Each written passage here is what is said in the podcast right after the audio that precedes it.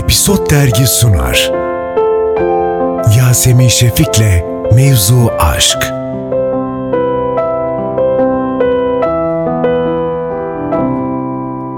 Efendim mevzu aşkta bugün aslında çok da yakışıklı bir adam var Tolga Mendi. Çok teşekkür ederim. Çok sağ olun. Hep mi böyleydi Tolga? Yok çocukken böyle değildi. Hatta böyle demişken aklıma bir şey geldi. Bir tane fizik öğretmenim vardı e, şeyde ortaokulda şey derdi. Bir insan hayatının ya çocukluğunda çok güzel olur ya gençliğinde ya yaşlılığında.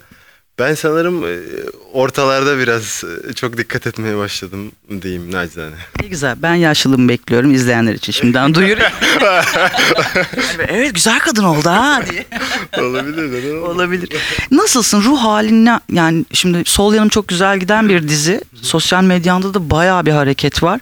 Bir anlat bakayım ne duygusundasın? Yani şöyle açıkçası ben bir önceki işimi bitirdikten sonra e, uzun bir süre iş yapmadım. Çünkü gerçekten beni mutlu edecek bir işin e, gelmesini bekliyordum. E, hayalim hep şey her oynadığım projede bir önceki projemi hatırlatmamak, başka bir adam yaratmak.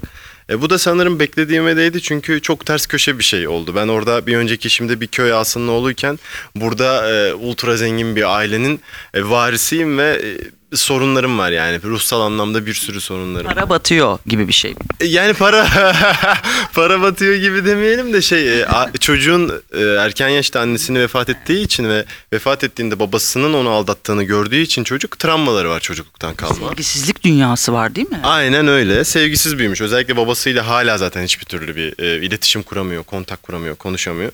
O yüzden çok mutluyum bu projenin içinde olduğum için. Çok keyifli benim için her şey. Kendimi daha fazla keşfediyorum. E, daha farkındalığım yükseliyor. Oyunculukla alakalı daha güzel şeyler yapabildiğimi düşünüyorum ve bu beni çok tatmin ve mutlu ediyor açıkçası. BKM'den teklif geldiğinde ne düşündün? İlk senaryoyu mu okudun yoksa ya iyi ya BKM zaten yaparız mı dedin? Ya yok BKM olması yani BKM gibi bir markanın içinde bir iş yapmak tabii ki insana güven katıyor. Çünkü e, onların background'una baktığınızda sayısız iş, sayısız efsane işler. Hani BKM olunca insan bir ya falan böyle bir heyecanlanıyor açıkçası. Her projede heyecanlanıyorsun ama belli başlı yapım şirketlerinde tabii daha da fazla heyecanlanıyorsun. Çok normal olarak. Senaryo geldi ondan sonra. Senaryo okuduğumda da Melis Hanım bizim senaristimiz Melis Civelek. O da yılların usta hizmet, televizyoncu, yönetmediği kanal kalmamış. Yani o da çok heyecanlandırdı beni. Bütün taşlar aslında yerine oturmuştu. Benim bek o kadar beklemem. İşte BKM olması, Melis Civelek gibi bir senarist olması. Güzeldi yani taşlar yerine oturduğu için ben çok mutlu ve ait hissediyorum kendimi buraya açıkçası. Değil mi Tolga ama zaten? Peki şey bu Selim karakteri işte yine okulun sahibinin oğlu travmaları var dedin. Bu adam nasıl aşk yaşar? Sevgisiz yani bir anne sevgisi almamış, babayla travması var. Ya Selim'i nasıl tanımlarsın? Yani hemen birine aşık olabilir mi ki izledik aslında hikaye öyle değil. Yani Selim aslında çok günübirlik yaşayan bir çocuk. Bence sevgiyi yanlış ilişkilerde bulmaya çalışıyor ama kendi de bilmiyor, keşfetmeye çalışıyor. Burada Serra ile olan durumunda aslında belki de Selim anne- annesini kaybettikten sonra gerçek sevgiyi bulduğunu ya da bulabileceğine inanıyor. O yüzden çok zorlanıyor. Karşı taraftan herhangi bir istediği ve çok istediği her şeyi elde etmiş bir adam olduğu için karşı taraftan istediği reaksiyonları alamayınca çıldıran bir adama dönüyor ve öfke sorunu falan var zaten. Bu bölüm acayip sürprizlerimiz var. Az önce gördüm sahneyi. ef- o efsaneydi evet. evet o sahneden çıkıp Selim'i mi dövüyorlar, Selim mi dövüyor? Ben bilmiyorum. Se- seyredince görsünler. yani çocuğun öfke problemleri var. İçinde sevgiyi keşfetmeye çalışıyor. Evde babayla sürekli sorunları var. Burada en yakın arkadaşından kazık yediği bir durum var. Aslında o kadar yalnız ki Selim. Yani Selim'in bir babaannesi var. Bir ablası var. Ablası da aslında arası iyi ama ablasıyla da çok iletişimi yok. Evet. Aslında Selim'in kimsesi yok. Babaannesi de yeni geldi. Bir bölüm, bir bölüm, iki bölüm önce geldi zaten. Gerçek adı da böyle olsa babaannen ne zaman geldi? Bir bölüm, iki bölüm önce. yani sevgiyi arıyor aslında Selim ya. Aramıyor muyuz ama şimdi Tolga? Normal hayatına dön. Selim'le hiç sorarlar ya karakterle siz ne kadar örtüşüyorsunuz? Var mı böyle bir öpüşmeniz? Tek bir örtüştüğüm nokta var asiliği. Mesela Selim çok asi ben de çok asiyimdir ve zor bir adamımdır. Yani ilişkilerimde, ailemde genelde çok kolay gibi gözüküyorum ama koç burcu olduğum için herhalde Kapatın programı. biraz şeyim yani zor bir adamım açıkçası normal hayatım. Açısında değil mi?